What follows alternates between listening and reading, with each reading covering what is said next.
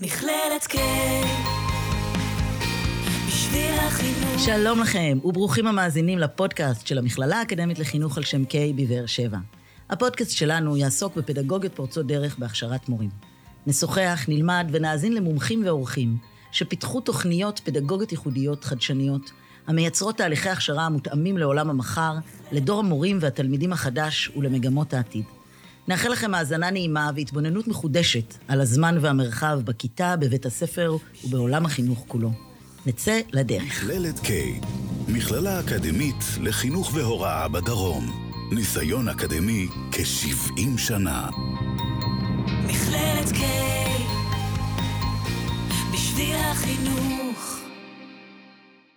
שלום לכולן וכולם, אה, מאזינות ומאזינים לפרק נוסף אה, בהסכת של מכללת K, הכשרת מורים פורצת דרך. שלום לשני האורחים אה, החדשים שלי באולפן, דוקטור רז שפייזר, שלום. שלום לגיל יערי. בוקר אור.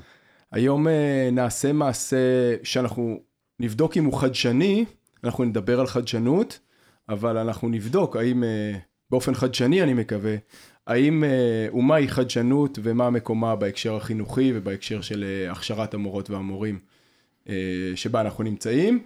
לפני זה נכיר אתכם במשפט, רז, מה, מאיפה אתה מגיע אלינו ומה אתה עושה במכללה? אני מגיע מעומר, במכללה אני מלמד בתואר ראשון, בתואר שני, בתוכנית להסבת אקדמאים, ו- ואני גם ראש לימודי חינוך. גיל? אני מגיע ממדרשת בן גוריון, אה, עוסק בחינוך בשלושים שנה האחרונות. אה, תחילת הדרך הייתה כמחנך, כמורה למדעים. בהמשך אה, ניהלתי אה, בית ספר יסודי, שני בתי ספר יסודיים. ובארבע שנים האחרונות מתעסק בנושא של הכשרת מורים, גם בחברה הבדואית וגם, וגם באופן כללי, כאן בתוך המכללה, גם בהסבות אקדמיים, גם בליווי של מורים חדשים בכניסה להוראה.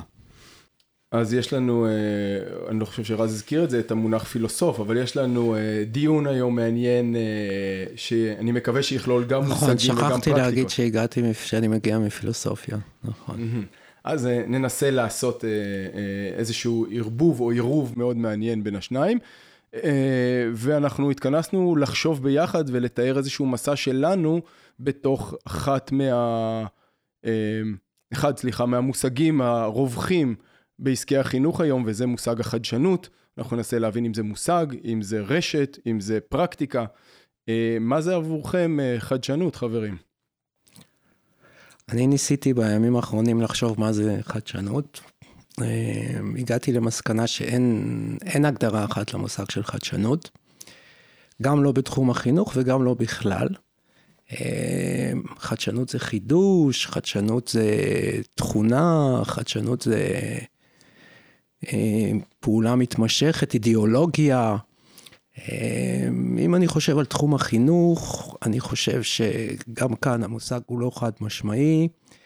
אני חושב שישנה חדשנות שהיא באופן כללי חדשנות פדגוגית, חדשנות בגישות פדגוגיות, שפחות נוגעים בה, וישנה חדשנות שהיא חדשנות מעשית, בואו ננסה לשנות שיטה כזאת, ננסה לשנות שיטה אחרת. וישנה חדשנות כסלוגן, ישנה חדשנות כסיסמה. על זה אולי נדבר בהמשך. ננסה לראות אה, את ההבחנות ולעזור למאזינות ולמאזינים אה, לבדוק בעצמם לאיזה סוג או, או איזה חלקים אה, יש להם במה שהם בוודאי ירצו לעשות חדשנות או כבר עושות ועושים. גיל, חדשנות, חדשנות וחינוך. אז אני אגיד שבהמשך לדברים של רז, אני חושב שתנאי הכרחי לחדשנות זה העובדה שאנחנו באים לייצר מהלך יצירתי אה, שהוא בהכרח חדש. זה לא more of the same, זה לא עוד מאותו דבר, זה לא אה, רק לעשות אה, מודיפיקציה או התאמה, אה, ואני אומר פה משהו שאני עומד אחרי זה לסתור, אבל, אה, אבל אה, אני חושב שאנחנו מחפשים, אם אנחנו מדברים על אה, פתרון בעיות מסדר ראשון או פתרון בעיות מסדר שני, זאת אומרת אנחנו מחפשים לייצר בחדשנות פרדיגמה חדשה, אנחנו מחפשים לייצר צורת חשיבה פתרון חדש לבעיה קיימת. אנחנו מזהים צורך במציאות שדורש שינוי, שדורש התמודדות, ואנחנו מבקשים לעצמנו לייצר פתרונות שמביאים אה, משהו חדש, משהו שהוא אה, אחר מהקיים, צורת חשיבה חדשה. אה, אני ארחיב בהמשך גם בהקשר של החינוך. מעולה, אז אנחנו כבר ממקמים לנו את המושג חדשנות, אה, גם בהקשר החינוכי, אבל עוד, עוד לפני זה בכלל, על שינוי כלשהו, על יצירת שינוי. אה, גיל אמר, אה, כולל איזשהו ערך, מתן ערך או יצירת ערך באמצעות מענה לפתרון, לצורך כלשהו, כלומר אנחנו רוצים למצוא פתרונות, שפה שלנו היא שפה של צרכים או מענים לפתרונות, שינויים, שהערך שלהם הוא ערך חיובי עבורנו, כלומר יש לנו שימושיות גם. והשאלה הראשונה שאני רוצה לשאול אותנו, אה, גיל סליחה, הוסיף גם את המושג של יצירתיות, שעוד מעט נשאל עליו, אבל... כן, למרות שאני לא חושב שזה מושגים אה, חופפים. כלומר, אני חושב שיש הבדל בין אה, חדשנות ליצירתיות. Mm-hmm. אז, אז כבר נדבר על חדשנות ויצירתיות, אבל האם במובן, ההבדל הראשון שהייתי שואל אתכם, האם משהו חדש, או משהו חדשני, או החדשנות כאיזושהי משהו אה, אה, כוללני, כמו שרז אמר, יש את השיווקיות, אבל יש גם את הדברים האמיתיים מסדר ראשון וסדר שני, כמו שגיל הצביע.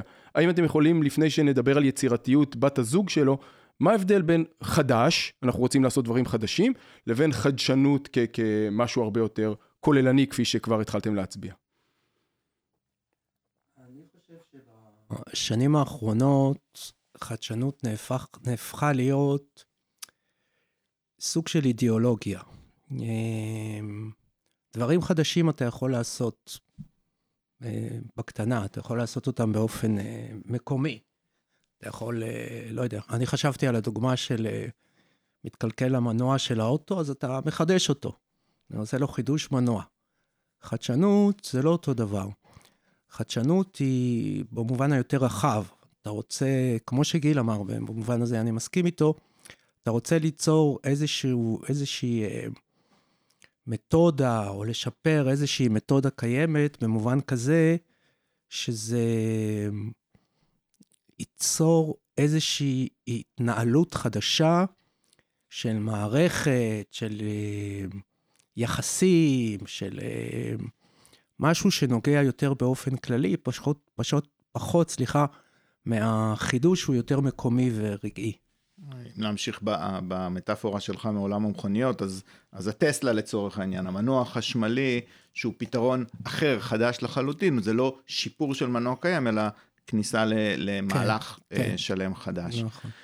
אני, אני בעניין הזה אה, חושב ש, שאנחנו, כשאנחנו מדברים על החדשנות בחינוך, וה, רז הזכיר את זה, זאת אומרת, אנחנו נמצאים בתקופה שכל הזמן מדברים על החדשנות. אגב, לא רק בחינוך, אני חושב שאנחנו, שמה שמאפיין את התקופה שבה אנחנו חיים, היא האצה מאוד מהירה של קצב שינוי התהליכים שמתרחשים סביבנו.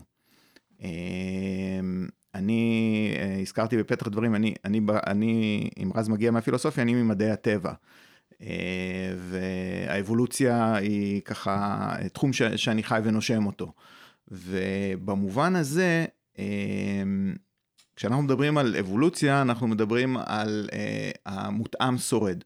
זאת אומרת, יש דרישה אה, מתמדת מאורגניזמים חיים להתאים את עצמם אל סביבתם. הדבר הזה אומר שכל הזמן נדרש שינוי. כל, כי העולם לעולם לא נעצר וכל הזמן קורה שינויים. אנחנו בתקופה שהקצב הוא מאוד מאוד גדול, ולכן אנחנו חווים את. ההאצה ואת הדרישה המתמדת הזאת לחידוש וחדשנות, ש, ש, ש, שכבר מתישה אותנו, שהופכת לסלוגן, שהופך להיות משהו... ובמובן הזה, אה, בעיניי מתקיים מתח. וכשאנחנו מדברים על שינויים במערכות חינוך, אנחנו רוצים אה, מצד אחד, בדיוק כמו בהתאמה באבולוציה, אנחנו לא מייצרים אורגניזם חדש ביום אחד, אלא זה תהליך שנמשך על פני רצף מתמשך. ובמובן הזה, ברור לנו כשאנחנו אה, פותחים את הרדיו, כשאנחנו נכנסים לבית ספר, שאנחנו נכנסים למוסד שהוא ארכאי, למקום ש, שדורש ש, שינוי, שמבקש שינוי, שבכל העולם כולו, בעיקר המערבי, אני חושב שגם במזרחי, מחפשים דרכים איך לעשות את המהלך הזה אה, באופן שהוא מתאים לכולם, כי זה הציווי המודרני של חוק חינוך חובה, אה, מצד אחד, ובצד שני באופן מותאם לכל אחד. ו- וזה המתח שאנחנו נמצאים בו, ולכן אנחנו רואים גם חיפוש וחדשנות פדגוגיים לצד חידוש וחשיבה מחודשת על, הסדיר, על הסדירויות הבית ספריות. כן, אני רוצה להגיד שקודם כל כהדיוט, ולא כמומחה, אני גם מאוד אוהב את אה, האבולוציה, וגם חשבתי על זה, תיאוריית האבולוציה, וגם חשבתי על זה בהקשר, בהקשר הזה של חדשנות. אני חושב שההבדל הוא שהאבולוציה וההתפתחות קורים מעצמם, ואין מישהו שמכוון אותם, אלא אם כן אנחנו מאמינים באיזשהו כוח עליון. והחדשנות של בני האדם, החדשנות של מה שקורה אותנו, הוא משהו שאנחנו מכוונים אותו. ודבר שני, סליחה, ופה זה, זה, זה הופך להיות מעניין, אני חושב. גיל, גיל דיבר אה, על, ה, על המתאים שורד. ובעצם, שוב, סליחה, בעצם יש פה שני כיוונים של חדשנות. כלומר, הכיוון הראשון, הראשון של החדשנות הוא, אוקיי, העולם מסביבנו משתנה כל הזמן, אז בואו נתאים את עצמנו לעולם הזה. אוקיי? וכיוון נוסף של חדשנות, שאפשר לקרוא לו אולי חדשנות יותר רדיקלית, זה בואו נעשה משהו חדש מעבר למה שהעולם מציב לנו עכשיו. יש לנו איזושהי תפיסה של איך שאנחנו חושבים שהדברים צריכים להיות, בלי, כמובן עם איזשהו חיבור, אבל לא כנובעים רק מהסביבה, אלא כמשהו שאנחנו רוצים לחדש. זה שני דברים שונים, אני חושב. אז אה, אה, אמרתם המון דברים אה, מאוד חשובים, אנחנו נפתח אותם במהלך השיחה, כי כבר פה יש את ליבת העיסוק שלנו בחדשנות בהקשר הפדגוגי והחינוכי שלה, אבל אתם שניכם מציינים שלמעשה החדשנות בנוגע לחידוש עצמו הוא משהו הרבה יותר אורגני, או תשתיתי, או ארגוני אפילו, שהרבה מאוד שינויים נכפים ממנו או נלווים אליו, לא רק בהיבט הצר ביותר של התוכן או הפדגוגיה, אלא גם ברמה הארגונית וגם אפילו ברמה האידיאולוגית, כמו שרז אמר, והסביבתית, זה יכול לשנות עולם. ומצד שני, אנחנו רואים, או, או אולי אפילו מאותו צד, בתוך האמירה הזאת שלכם כבר מקופלת המתח, מקופל, סליחה, המתח בין החינוך כפרויקט חברתי, לבין העולם החוץ-חינוכי, אה, דיברת, גיל, על העידן של האקסלרציות, של ההאצות, שהחינוך יונק ממנו לתוך הפרקטיקות ולתוך תפיסת העולם שלו, של מה אנחנו עושים עכשיו, מהו חינוך עכשיו, אה, העולם עובר שינויים, אז, אז אנחנו מכניסים אותם לתוך העשייה אה, החינוכית והפדגוגית. ועם זה אני רוצה לפתוח את השאלה השנייה בעצם, על יצירתיות. כי אנחנו אומרים, בת זוגו של החדשנות, חדשנות, אנחנו מדברים על הרעיון הכללי, כמו שאמרתם, בכמה רמות, גם סדר, שינוי מסדר ראשון, גם שינוי מסדר שני. איפה נכנסת פה היצירתיות, שהרבה פעמים אנחנו אומרים גם אותה, טוב, אז, אז בואו נהיה יצירתיים. אז מה זה יצירתיות, ומי צריך פה להיות יצירתי בהיבט החדשני שאנחנו רוצים כל כך להכניס? זו שאלה טובה. אני לא... אני חושב ש... קודם כל זה תלוי בהגדרות. אני חושב שאם ניקח, ניקח את ההגדרה הנפוצה של יצירתיות, זה באמת יצירתו של איזשהו רעיון מקורי, זה רובינסון אומר, כן? יצירתו של רעיון מקורי, והוא מוסיף בעל ערך. כלומר, רובינסון לא, מוות, לא מוותר על, ה, על היישום של הרעיון. יש כאלה שכן, שאומרים שמספיק שיש לי רעיון או מחשבה יצירתית, הם כבר יצירתיים כשלעצמם. ובמובן הזה של הערך, זה קשור גם לחדשנות. כלומר, גם חדשנות צריך להיות לה איזשהו יישום בעולם. אני חושב שהחדשנות שה... היא בעצם אומרת, בוא נשתמש ביצירתיות לצורך אה, מענה על איזה שהם אה, דברים שקיימים במציאות, בעיות, נגיד משהו כ... פתרון בעיות, בואו נשתמש בזה וניישם את זה. ה- היצירתיות היא לא חייבת להסתכל על הדברים באופן רחב. יכולה להיות, אתה יודע, יצירתיות של אומן, הוא יושב וכותב שיר, או, או אולי הוא חדשן בתחומו, אבל אין לו את הרצון אה, דווקא לפתור איזושהי בעיה, אין לו רצון איזושה, איז, להרחיב את, ה, את מה שהוא עושה לכלל איזושהי אה, מתודה כללית. קשה, קשה בדיוק להגדיר את זה, אבל אני חושב שזה, שזה חלק מהעניין.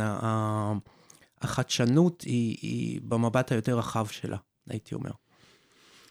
גיל, אה, אה, אנחנו כאנשי חינוך ממש רוצים להפוך את הצעירים האלה גם ליצירתיים, ו- ואם דיברנו על חדשנות בהיבט המערכתי הרחב, השימושי, כמו שרז עכשיו מחזיר ומציין אותנו, איך אתה הופך את הסטודנטים וסטודנטיות שלך ליצירתיים, אם בכלל אפשר להיות יצירתיים? אז אתה כבר לוקח אותי לפעולת המעשה שאנחנו רוצים לעשות בתוך המכללה. אבל אני רוצה עוד רגע להתעכב עוד קצת על העניין הזה של גם של המקום של היצירתיות בתוך החינוך. גם בשאלה של חינוך וחדשנות ומה המטרה של החינוך, שהיא תמיד שאלה שאנחנו אה, חוזרים ושואלים אותה, כן?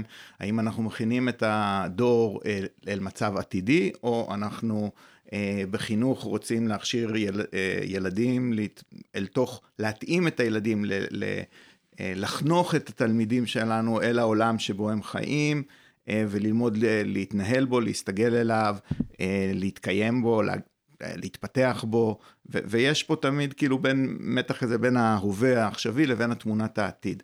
אם אנחנו מסתכלים על המציאות שלנו היום ועל העולם כפי שהוא מתפתח, הזכרתי את זה קודם, מה שמאפיין אותו זה קצב שינויים מאוד גבוה. ואז הטענה שלי היא שהתפקיד של החינוך הוא לפתח אצל התלמידים את היכולת להתאים את עצמם למצב משתנה באופן תמידי.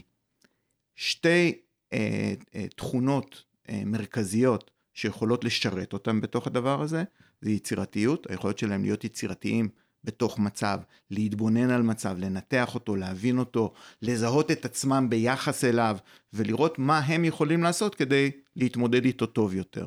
אז אה, אה, צד אחד זה יצירתיות, צד שני זה גם היכולת לפעול, אז גם האלמנט של יזמות, וכאן נכנסת המילה של יוזמה אה, אל תוך, ה, אל תוך הדבר הזה, והדבר השלישי שאני אגיד זה למידה. מה זה למידה? ו... ו אמ, ואיך אתה מלמד מישהו ללמוד. האם יכול להיות מצב שבו מורה מלמד את אותו חומר שהוא מלמד כבר 25 שנה, תלמידים שלו, באותו האופן שהוא לימד אותם, נגיד לפני 10 שנים, הוא עדכן את זה לפני 5 שנים גם כן, אבל בדיוק באותו אופן, הוא עצמו כמורה לא נמצא בתהליך של למידה והתפתחות. אם ה-state of mind שלו הוא לא של מצב למידה והתפתחות, היכולת שלו להדביק בתשוקה שלו באהבה שלו ללמידה פוחת, מצטמצם. הוא רק נותן חלק קטן ממי שהוא, אולי חלק שהיה פעם, לפני 15-20 שנה, כשהוא למד בעצמו. אז הטענה שלי, שבהקשר של חדשנות בחינוך, אחד הדרישות שלנו יש מהמורים שלנו היום, זה להיות, להסכים, להגיד, אנחנו איתכם תלמידים באי הידיעה.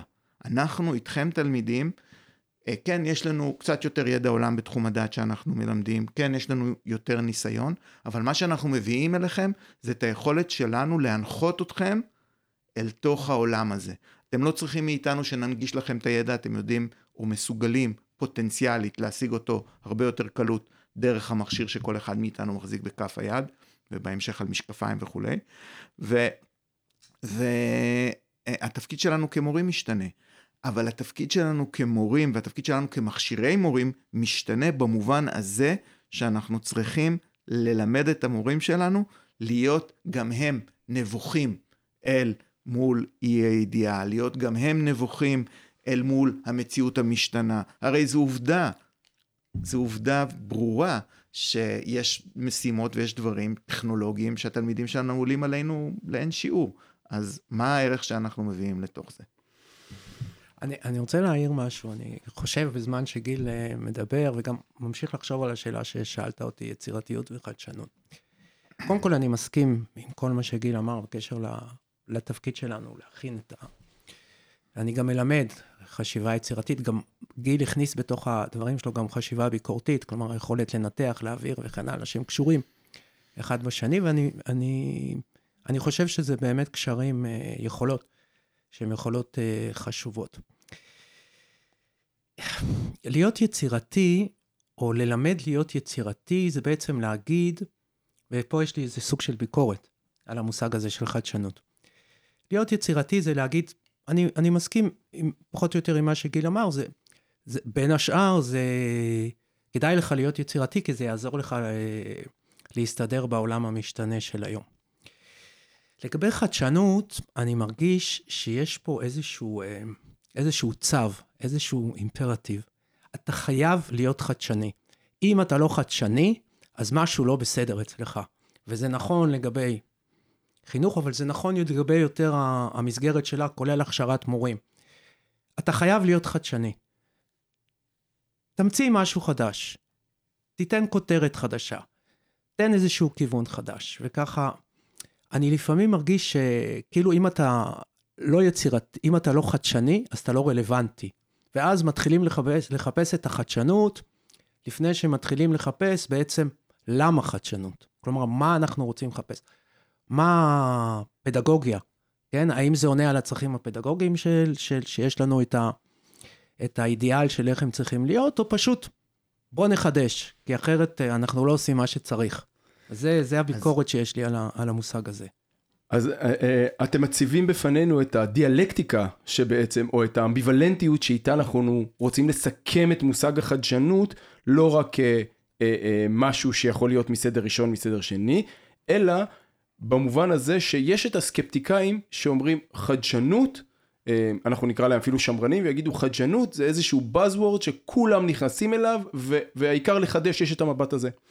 המבט, ה, או ה, ה, נקרא להם החדשניים הכרוניים, שיגידו אה, אה, תעשו הכל חדש בלי, בלי קשר למה, ואנחנו נכנה את זה חרושת החידושים, המחלה הזאת של חרושת החידושים.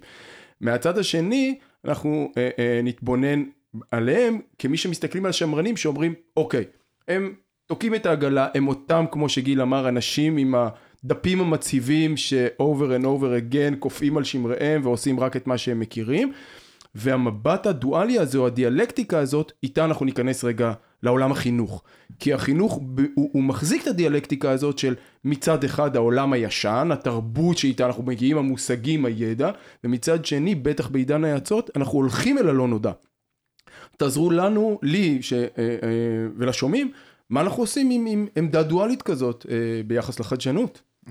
אני חושב שא', עוד מעט נתייחס לזה, אבל הקורונה הרי הציבה ניסוי אדיר בפני האנושות כולה, ויש פה, מעניין מאוד להסתכל איך במקומות שונים התמודדו עם, עם הסיטואציה הזאת, גם בהקשר החינוכי כמובן. אבל לפני כן, אני חושב שתנאי נוסף שיש בפנינו כמכשירי מורים, זה בדיוק בגלל הדברים שרז אמר, של טרפת וחרושת החידושים, לעשות עבודת עומק על הזהות האישית והמקצועית שלי כאדם. כמורה. וכל אה, מהלך של הכשרת מורים בעיניי היום מחייב אותנו ללמד את המורים שלנו להתבונן פנימה על עצמם, להכיר את עצמם באופן עמוק, להתבונן אחורה על המקומות שהם גדלו בהם, על המורים שהשפיעו להם, על הערכים שעיצבו אותם, בחינה מתמדת של הערכים שהם גדלו בתוכם אל מול הערכים הקיימים היום, אל מול המציאות הזאת שמשתנה, ומה חשוב לי, מה הדבר שבשבילו אני פה. עכשיו, אני אומר את הדבר הזה אה, בשתי רמות. זאת אומרת, זה גם תהליך תוך אישי שאדם צריך לדעת לעשות עם עצמו, או בקבוצה, וגם את היכולת להנחות את התלמידים שלו אל תוך הדבר הזה. כי זה הדבר ש, ש, שניצב בפנינו. כל הזמן אנחנו ניצבים מול מציאויות כל כך קיצוניות, ואנחנו צריכים לשאול את עצמנו איפה אנחנו עומדים ביחס לאירועים כאלה, אנחנו שומעים אותם כל הזמן בחדשות, אנחנו נקראים מול דברים, אנחנו, מה איתנו ביחס לדבר הזה, ואנחנו צריכים לעזור לתלמידים שלנו לנהל את השיח הזה, להתמודד איתם. אתה יודע, אני מנחה מורים חדשים בבאר שבע. יש להם תלמידים בדואים, בתוך בתי ספר יהודיים, אה, פה בתוך באר שבע, אוקיי? וקורה האירוע, הפיגוע הנוראי שהתחיל את כל גל הפיגועים האחרון אה, בסכינים אה, בוואן פלאזה.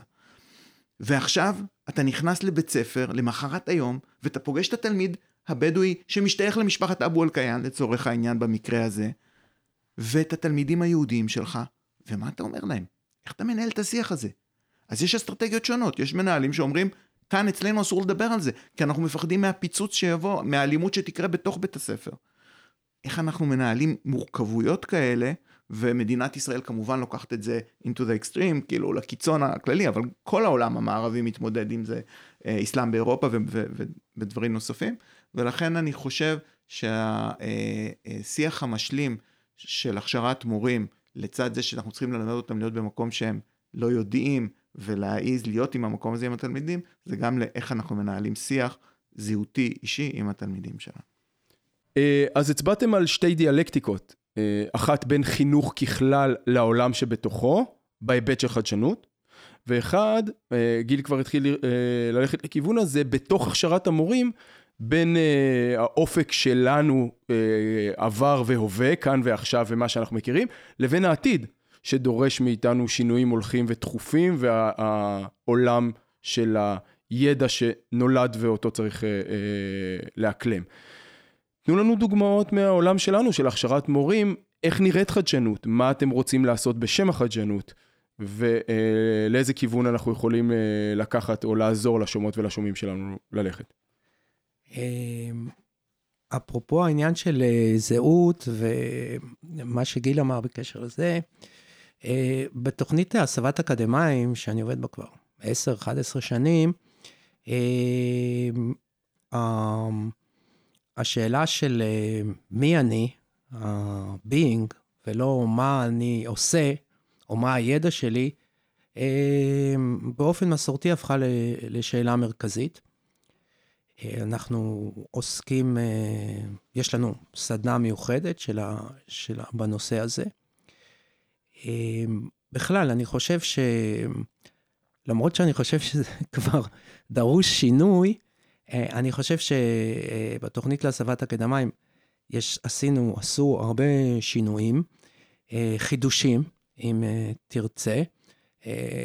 אני חושב שחלקם אומצו על ידי המכללה, למשל, אופן העבודה הסדנאי, אנחנו כמעט לא מלמדים קורס, בכלל, לדעתי, לא מלמדים קורסים שהם קורסים פרונטליים. הקורסים, אנחנו יושבים במעגל, מתנהלים באופן דיאלוגי, המרצה, במרכאות או שלא במרכאות, הוא יותר מנחה מאשר uh, מרצה, ובמובן הזה באמת יש פה איזשהו שינוי שאנחנו ממליצים עליו ומלמדים אותו לא רק כי אנחנו רוצים לעבוד עם המורים, אלא כי אנחנו גם חושבים שזה דרך עבודה נכונה עם התלמידים. זה דוגמה לחידוש. גיל, אה, דיברנו על אה, ערך ועל שימושיות, יש לך דוגמה אה, נוספת מהעולם המקצועי? כן, אז עוד, עוד, עוד מילה אחת על החדשנות בהקשר הזה לפעמים, לקחת דבר ישן ולהביא אותו נכון. לסביבה חדשה, נכון. גם בזה יש חדשנות. זאת אומרת, לקחת כלי שנעשה בו שימוש במקום אחר ולהעביר אותו לחברה חדשה, שם זה גם חידוש. אז לדוגמה, אני נכנסתי למכללה לפני uh, שלוש שנים, או ארבע שנים כבר, uh, אל תוך תוכנית נתיבים, תוכנית שפותחה ביחד עם המכון לחינוך דמוקרטי mm-hmm. ובשיתוף עם מכללת K, ותוכנית שהייתה מיועדת, או עדיין מיועדת, למורים בחברה הבדואית. עכשיו, באופן מאוד מעניין, כשאנחנו מסתכלים על התוכ... התוכנית שאנחנו פיתחנו שם ובנינו פיתחנו ביחד צוות של אנשים את התוכנית מאפס. בעצם אה, שני דברים הכניסו. אחד הדברים שאיה רימון אה, זיהתה זה שבחברה הבדואית אין חינוך בלתי פורמלי.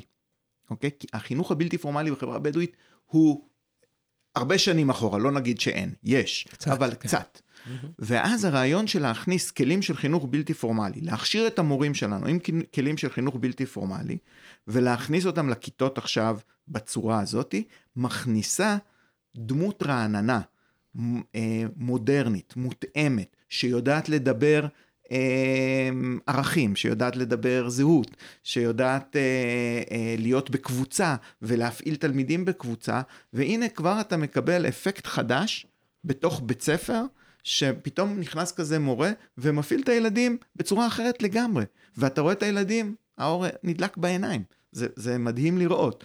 אז הנה דוגמה אחת ללקחת כלי מעולם אחד ולהכניס אותו אל תוך אה, אה, חברה חדשה והקשר חדש, ו, ובצורה כזאת להעצים את, את המעשה החינוכי. כן, זו דוגמה אחת. כלומר, מה שאתה עושה, אתה מראה לנו גם את ההיבט התרבותי של אותו מיזוג אופקים, או של אותו, אותו, אה, אה, אה, אותה השתלבות בפערים שאותם אנחנו רואים בין המציאות ובין החינוך שאותו אנחנו רוצים. רז, אתה נתת לנו את הדוגמה של האדם בהיבט הסדנאי שלכם, איך לעצור רגע ולשהות. עד כמה מהניסיון שלכם בחדשנות אה, אה, בתוכנית שלכם, השהייה עם האדם עצמו, עם מישהו אה, כדמות שהולכת להיות דמות מובילה, היא חשובה, ולא הריצה החוצה לייצר משהו אה, אה, ולהספיק לעשות.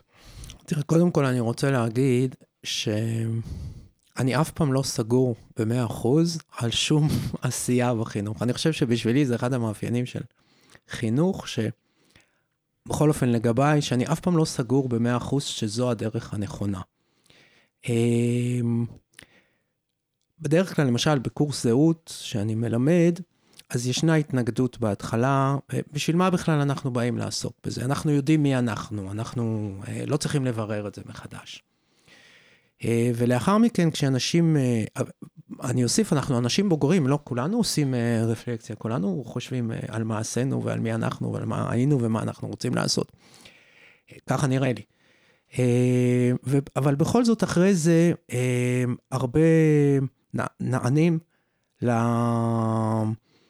לסדנה הזאת, וכן מגלים אה, דברים חדשים על עצמם ועל מה שהם רוצים ועל מה שהיו. ובעיקר, אה, מבחינתי, בעיקר יש פה את ה... את ה... אני, יש לי איזה טענה.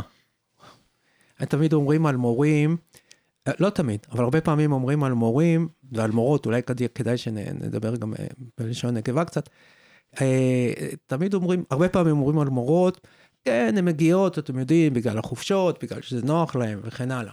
אז אני, יש לי איזו טענה,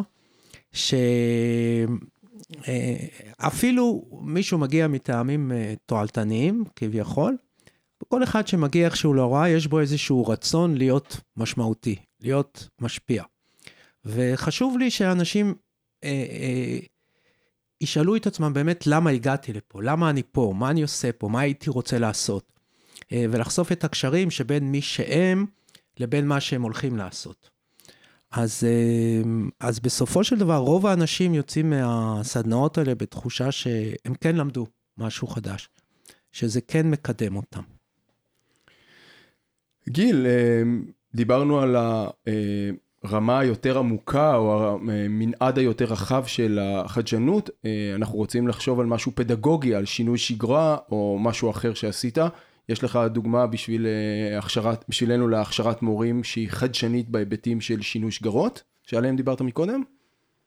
קורס שנראה אחרת, תהליך שנראה כן, אחרת. כן, כן, בהחלט. אה, סגר ראשון, 2020, מחזיר אותנו ממש שנתיים פלוס אחורה, ממש מאי, מאי 2020, אה, מדינת ישראל בסגר ראשון, הרבה מאוד אקדמאים יוצאים מתוך המערכת, מערכת החינוך מגבוה מזהה את הפוטנציאל האדיר של לגייס אה, אקדמ, אקדמאים אל תוך אה, קאדר המורים שלנו, ויוצאת בתוכנית שקוראים לה כיוון, כיוון חדש. וכיוון עם קוף ולא עם כף, בגלל שאנחנו בתוך סגר, ובעצם האתגר שמציבים בפני מכללות, ואנחנו בתוך זה, אה, היה אה, איך להכשיר מורים מ-31 במאי פחות או יותר, עד הראשון לספטמבר, ולאפשר להם להתחיל אה, לעבוד כמורים בשנת התמחות, אוקיי? בחודשיים וחצי להפוך אדם שהוא אקדמאי למורה. אני נכנסתי לדבר הזה, אה, כאילו גייסו אותי לתוך המשימה הזאת להסבת אקדמאים להוראת מדעים.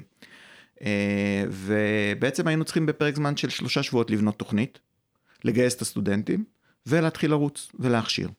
כאשר אה, יש המון שאלות פתוחות, כל זה קורה בזום. איך אתה מגבש קבוצה בזום? איך, איך אתה עושה את הדבר הזה? אתה הולך לעשות בשלושה חודשים, אני הבנתי את זה די תוך כדי, אנחנו הולכים להכשיר אנשים, להעביר אותם מזהות שלהם כאנשי מקצוע בתחום מסוים, ובתוך שלושה חודשים הם יהיו סטודנטים, ומיד אחרי זה כבר מורים, הם צריכים כבר לגבש לעצמם. אז העבודה הזהותית חייבת להיות מאוד אינטנסיבית, ועם הרבה תשומת לב אל הדבר הזה. כי תחשוב על זה, state of mind של סטודנט הוא לא state of mind של מורה. זה לא סתם שיש מהלך זמן הכשרה, ופה זה הכל מואץ. אה, אז הכנסנו פרקטיקה אה, שקראנו לה במות עניין, והפרקטיקה הזאת אה, משרתת כמה וכמה דברים. במת עניין היא 10 דקות, 12 דקות, שיש לכל אחד מהסטודנטים, לבוא ולשתף ולספר על עצמו, מכמה נקודות מבט. אחד, זה ההזדמנות שלו להתאמן איך הוא הולך להביא את עצמו בפני התלמידים שלו. איך הוא הולך להביא את האישי שלו, את האדם שהוא, בפני התלמידים שלו.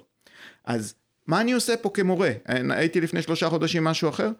איך הגעתי למקום שאני נמצא בו? מה השפיע עליי בדרך הזאתי? אה, והזמנו אותם בדרכים שונות, פתוחות מאוד, יצירתיות, מטקסט, דרך אנשים, דרך אה, רגעים, אירועים מכוננים בחיים שלהם, שחושבים שהובילו אותם לרגע הזה, ולהביא את עצמם באופן אישי אל תוך המרחב הזה. את הדבר הזה ניצלנו כמובן לעוד, לעוד מטרות. אנחנו רוצים ללמד אותם לטעת לתת משוב. אנחנו רוצים לדעת ש, שהם ידעו לתת משוב מקדם למידה. אנחנו רוצים שהם יהיו מסוגלים להתייחס לתלמידים שלהם גם לדברים האישיים שהם מביאים. אז בתוך כל במה כזאתי היה תמיד שני מגיבים שמגיבים אל הסטודנט והיה אפשרות לכל הקבוצה. וזה היה חוויה מכוננת לראות איך קבוצת אנשים, בני, הצעירה שבהם הייתה בת 24, אם אני זוכר, המבוגר היה בן 60 פלוס, על כל המנעד, אנשים מתחומים שונים, מחוברים בדרך כזאת או אחרת למדעים, הפכו לקבוצה קרובה של אנשים שיודעת לשתף אחד את השני בדברים מאוד מאוד אישיים, והפכה לקבוצת תמיכה שתלווה אותם אל תוך השנתיים אחרי זה בתור מורים במערכת, ולראות אותם תומכים אחד בשני זה עדיין מרגש עד היום. חברים יקרים, ניסינו לעשות uh, מבט אולי חדשני ואולי לא על המשמעות של חדשנות. הגענו למסקנה מאוד מאוד uh, משמחת ואולי לא כך מפתיעה שבסוף הדבר הזה ש... אה, את הדיאלקטיקה או יעמוד במרכז הדיאלקטיקה שמצאנו, זה האדם או האישה והמחנכת והמורה אה, שאמורים לגשר בעידן של האצות ושינויים כל כך גדולים על הערכים המוספים שנותנים באמצעות פתרונות לבעיות והערכים האנושיים שבהם מחזיקים האנשים הספציפיים או הקהילה שבתוכה נמצאות המחנכות שלנו אה, ובין הדבר הזה לבין זה צריכות להיבנות הכשרות המורים החדשה או הקיימת. תודה רבה לכם על שיחה מרתקת, מעניינת. אנחנו כמובן משאירים את הדיאלקטיקה פתוחה אה, ונמשיך אה, לבדוק אותה along the road. תודה רבה לחגי גלילי שהביא אותנו לשידור. אה, תודה רבה למרכז אדם שמאפשר לנו לעשות פודקאסטים על פדגוגיות פורצות דרך בהכשרת מורים. נשתמע בפרקים נוספים. מכללת K, בשביל החינוך. מכללת K, מכללה אקדמית לחינוך והוראה בדרום. ניסיון אקדמי כ-70 שנה. מכללת K, בשביל החינוך.